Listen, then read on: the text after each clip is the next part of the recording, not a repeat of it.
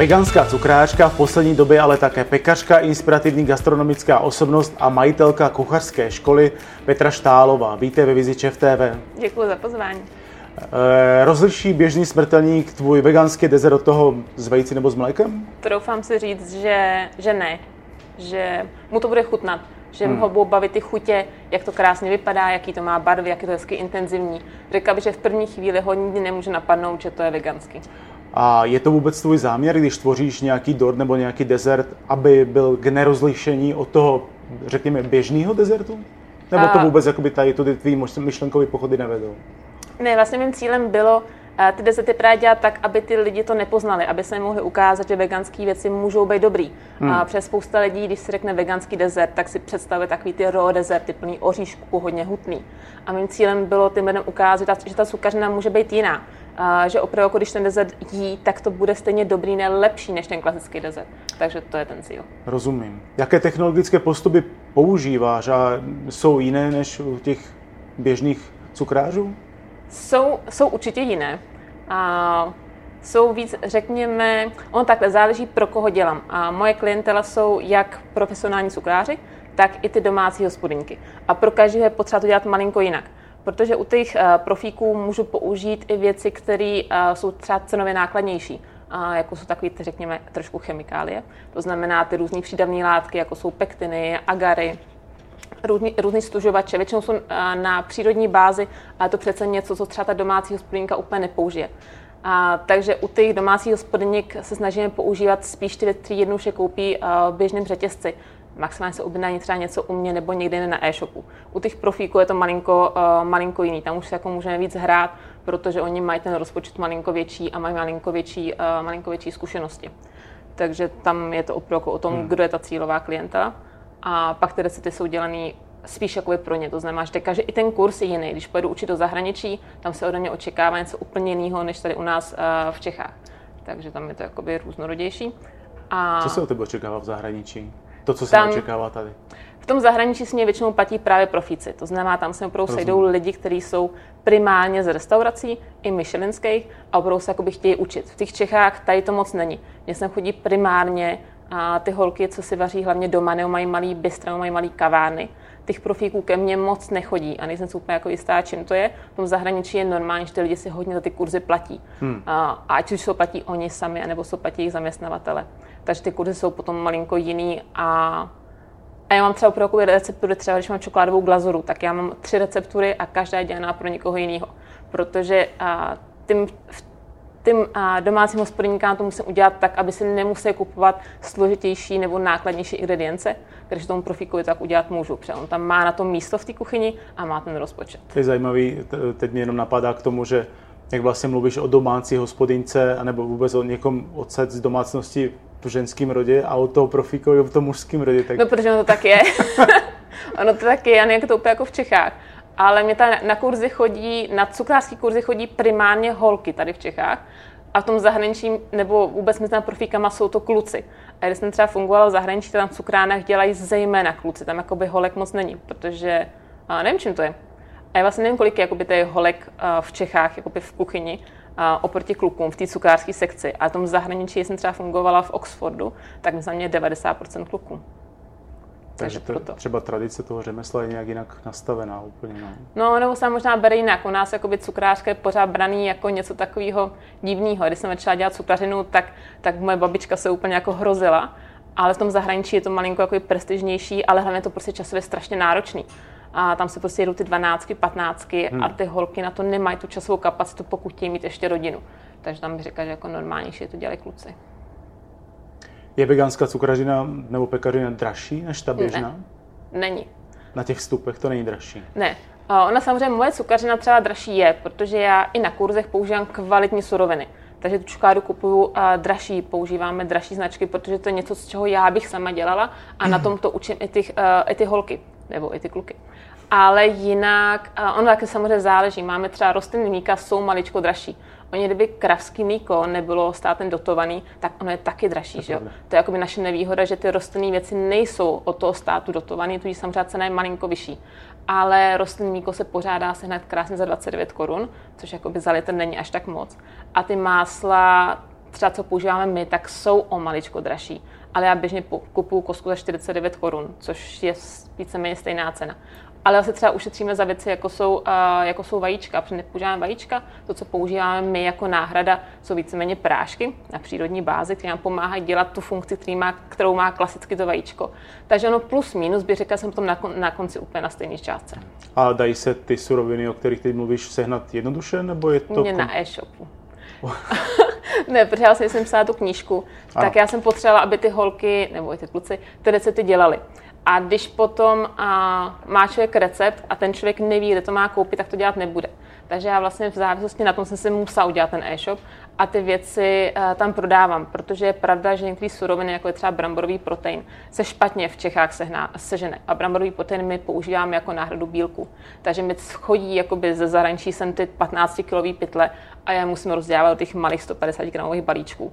A to pak posílám po Čechách a po celé Evropě, jenom aby ty lidi ty recepty prostě mohli dělat. Takže to je takový jako to jsem se jako už jako i byč, že prostě jako musím pořád expedovat z toho e-shopu právě proto, aby si ty věci mohly dělat. A naopak, když mluvíme o těchto uh, surovinách, dají se využívat eh, plnohodnotně i nějaký český produkty? O tom, co, o tom, co mluvíš?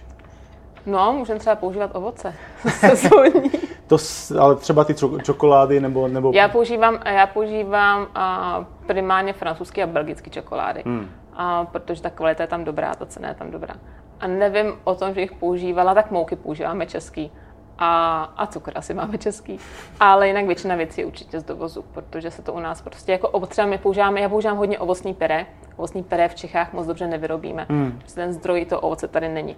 A takže používáme většinou ty věci z toho importu. A v tom cukrářském řemeslu jde hodně o gramy, co jsi zmínila no. už před rozhovorem. Eh, jsi hodně pečlivá na toto? Je, je asi třeba pečlivá i mimo to své království cukrářské? Eh, tak s těma gramama, když jsem psala vlastně českou knížku, tak já jsem já jsem psala 8 měsíců a ten tlak tam byl hrozný. A kolikrát jsem to úplně nepřemýšlela. A pak, když jsem to přepracovala té anglické verze, tak mě fascinovalo, jak mám třeba napsáno 3,1 gramu. A říkala jsem si, proč tam jako nenapsala ty 3 gramy, že jo? Že jako by zvyklý hrozně hmm. jet na těch 0,1 gramů takže potom v té anglické verzi už je malinko jako poupravený, protože jako šína mi třeba jako 151 gramů. Říkám, proč se nemáš 150 gramů, že? Takže jsem to potom jako už poupravovala a jako už se snažím ty věci malinko jako zaokrouhlovat, protože kolikrát tam ten malý rozí tam není tolik znát. Ale je pravda, že a, že jsem taková jakoby i, i v reálu, že ty věci prostě musí být a, tak, jak, tak, jak mají být.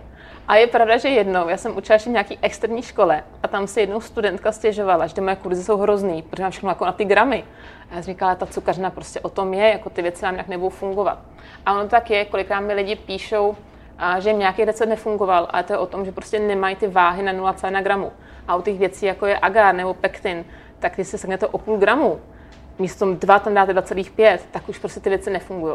Takže ta gramáž opravdu je potřeba dodržovat a mít tu dobrou váhu, která vám to zváží. Ještě nějakou další obsesi musí trpět cukrář? Ne, tak měl mít asi pořád skvělý. uklizeno. Proč jsi se vůbec rozhodla pro veganství? A já jsem byla skoro celý život vegetarián, hmm. protože s malýma přestávkama, protože my jsme měli doma hodně zvířat a mě přišlo divný nějaký zvířátka mít ráda, nějaký nějaký nemít ráda a sníst je. A já jsem si vždycky myslela, jako, že když mám ty free range vajíčka a to mlíko, který je tam nějaký bio od těch jako šťastných kraviček, takže všechno v pohodě. Až jsem, a, až jsem jednou zjistila, proč ta kráva to mlíko dává, což jsem prostě jako, nějak mi to jako nedošlo, ta kráva musí pravidelně rodit ta telata. A mě ta představa toho, že někdo té matce potom dní sebere to tele, až se z ní jako vyndává to mlíko, mně to přišlo tak šílený, já jsem říkala, tak tady to podporovat nebudu. A pak člověk vlastně začne zjišťovat i další věci, které se i v tom, a v tom vaječném průmyslu. A já jsem byla více nějakou veganem přes noc. Jsem já bych řekla, že jako jsem zřejmě na dnešní dobu hodně empatická a já ty zvířata mám tak strašně ráda, že tu chvíli jsem říkala ne. A já už jsem tu chvíli měla jakoby školu, která byla hodně rozjetá, ta cukrářská. Hmm. Říkám, ne, já to se dá dělat nebudu, zavřelo se to a předělo se do té veganské formy. Pro mě jako by to bylo citově tak strašně jako náročné to nadále podporovat, že jsem říkala ne, konec. A vyžaduješ to i od svého okolí třeba? Tak ono to vyžadovat nejde. Tady to je něco, k čemu člověk musí dojít sám. Jasně. U někoho to trvá kratší dobu, u někoho trvá delší dobu. A v nejbližším, ono se člověk rychle naučí, že nejbližší okolí to reaguje nejvíc, řekněme, jako ne úplně agresivně, ale má největší potřebu s váma debatovat. člověk stane veganem, tak se musí přimět to, že jako, ve, jako nejbližší okolí ho jako ukamenuje argumentama. A, takže já se, já se nikdy nesnažím jako někomu něco nějakým způsobem tlačit. Pokud někoho zajímá, proč to dělám, tak mu to ráda vysvětlím. Ale ono se jako nevyplácí do lidí ty věci tlačit. Proto i já ten můj, řekněme, veganský aktivismus dělám přes tu moji školu, hmm. kde těm lidem ukazuju, jak to může být, jak to může být dobrý. A vlastně ukážu ten, tu druhou stránku toho světa, protože takový ten aktivismus ve formě toho, že lidem ukazujeme, netýdejte zvířátka, u lidí nefunguje. Většina lidí jakoby předtím zavírá ty oči tak já snažím dělat spíš tak, že jim ukazuju, jakoby, hele, ten, to, jako ta jídla je fakt jako dobrý, tak to zkus, ještě bude chutná, tak jako super. A ještě to i vypadá skvěle. A ještě to no. i vypadá. A pak ještě jako bude líp, že jo, bude zdravější. Navíc. A kde tvý dezerty můžeme v téhle době ochutnat? Nikde, musíte přes do školy a tam si je udělat. A to je dost velká škoda, nechystáš ani e-shop ne. nebo prodejnu nebo něco v tom ne. smyslu? Ne, protože uh, mě to jako takhle, jak to dělám, tak mi to vlastně uh, baví a navíc já učím. To znamená, že na ten kurz přijdou ty holky, který já to naučím a oni pak mají možnost to u sebe dělat, třeba ať už doma, anebo v těch kavárnách, a nebo v těch restauracích. To je pro mě daleko užitečnější. Když těm lidem to vysvětlím, tak je to prosím vás dělejte a ta holka může přijet zpátky do té kavárny a tam ona to bude dělat a tam to bude ten lidem nabízet. Protože ta poptávka je, ta poptávka je větší. Ve velkých městech je velká. Hmm. Takže pro mě jako než mít někde nějakou malou cukrárnu, kde se budu trápit od rána do večera, tak je pro mě lepší lidi to učit, aby to šlo daleko rychleji od toho světa. A co je vlastně jakoby ta gro toho tvýho biznisu? Je to právě ta škola? Já už to dělám hrozně moc. Um, my jsme vlastně nějak před loni, loni v Dubnu jsme koupili krásnou nemovitost kousek za Prahou. Mm. A cílem tam je vybudovat hezkou velkou školu, vlastně nahoře, ta už, ta už je vybudovaná, a nahoře budeme budovat ještě ubytovací kapacity a dělá se tam rozsáhlá zahrada, která vlastně má dodávat tu zeleninu, to ovoce pro tu školu. To je cílem pro mě je vybudovat místo, kam ten člověk může přijít na celý víkend, může se tam krásně ubytovat, my jsme kousek od lesa, to je prostě uprostřed ničeho, uprostřed zeleně a naučit se vařit, ochutnat to jídlo, aby jako je po tom víkendu odjel, řekl si, jo, tak ty vegani jako nejsou pošahaný. Ono vlastně jsou to docela fajn lidi a to jídlo je dobrý. A to je vlastně ten smysl toho podnikání, rozumím tomu jo. správně? Jo. Tam to je jako, já jsem, já jsem před nějakýma deseti lety byla v Anglii v místu, který se River Cottage. A River což, Cottage. River Cottage. To je nádherná budova, taky uprostřed ničeho. A ten člověk přijede, to je prostě krásný velký statek s ohromnýma zahradama, tam běhají ty jehňátka, které tam myslím, potom budou spapaný. Ale člověk na ten kurz, nebo tam má nějaký oslavy a teda. Já jsem tenkrát tam stála a říkala jsem si, tady to bych chtěla, aby ty lidi přijeli a strávili u mě prostě ten krásný den nebo ten víkend, aby si užili tu aktivitu toho vaření, ale aby měli i něco k tomu jako přidanou hodnotu. Dneska se kurzu dělá bambilion ale člověk jako přijede na 4 hodiny, jste někde uprostřed Prahy, jako něco naučí a jede domů. Má to místo toho, že prostě nejde do kina, jde na kurz vaření. A já jsem chtěla, aby ty lidi to měli i s tou atmosféru, protože hmm. lidi často žijou v tom městě a já třeba do města už nikdy nešla, jako nikdy. Ten venkov, a ten člověk přijede tam zelený a zpívá tam ty ptáčci a chodí tam ty srnky, to je taková romantika, že to je jako to, co já těm lidem chci ukazovat. Tak to je taková ta harmonie s tím veganstvím dohromady, to no. asi nějak zapadá do sebe. Přesně tak. A jak, se, jak vlastně vypadá takový běžný návštěvník tvého kurzu? Kdo to vlastně je? Kdo se hlásí do toho kurzu? Hele, to je hrozně různorodý. Občas tam zavítá někdo, kdo ani neví, že jde na, vegan, na veganský kurz, mm-hmm. což se nám stalo na jako neminulém kurzu. To čemu bývají ty, kteří dostanou jako dárek. Pardon, jakože přišel ten člověk a čučil, že tam nemáte mlíko, máslo nebo vejce. No. že byl to jako překvapený. On, on, to dostal jako dárek, ta paní dostala jako dárek od kamarádky a moje kamarádka jako zapomněla říct, že to je veganský. Občas, většinou to reaguje jako pozitivně, občas se stane, že jsou to takový jako vyvrkaný. A byla... A, já byla v pohodě, paní byla jako fajn. A většina těch lidí nejsou vegani. Ke mně řekla bych, že 90% lidí, co ke mně jdou na kurz, nejsou vegani. Ale buď to zajímá, třeba učíme klasický kurzy, jako je třeba čokoláda, a tam se učíme jakoby to vegansky a ne nevegansky. A je zajímá to samotný téma, jak udělat pralinky, vůbec hmm. technologie. A to, že ten recept je malinko jiný, je pro ně jakoby jiná přidaná hodnota. Před klasickou cukařnou se naučí člověk už dneska všude, že jo, v Praze spousta škol. Takže bych řekla, že většina z nich nejsou vegani, těch veganů tam chodí hrozně málo. To se jako opravdu nemusí bát, že půjdu nějaký jako vegan hippie komunity. No, to se jako nefunguje, tam nepozná člověk na první dobrou, kdo je a kdo není vegan. A většinou to nejsou úplní profíci, ale tak z poloviny to bývají právě holky, kteří někde něco dělají, ať už lehce řekněme třeba na černo, nějaký dorty a tak, a, a nebo i oficiálně.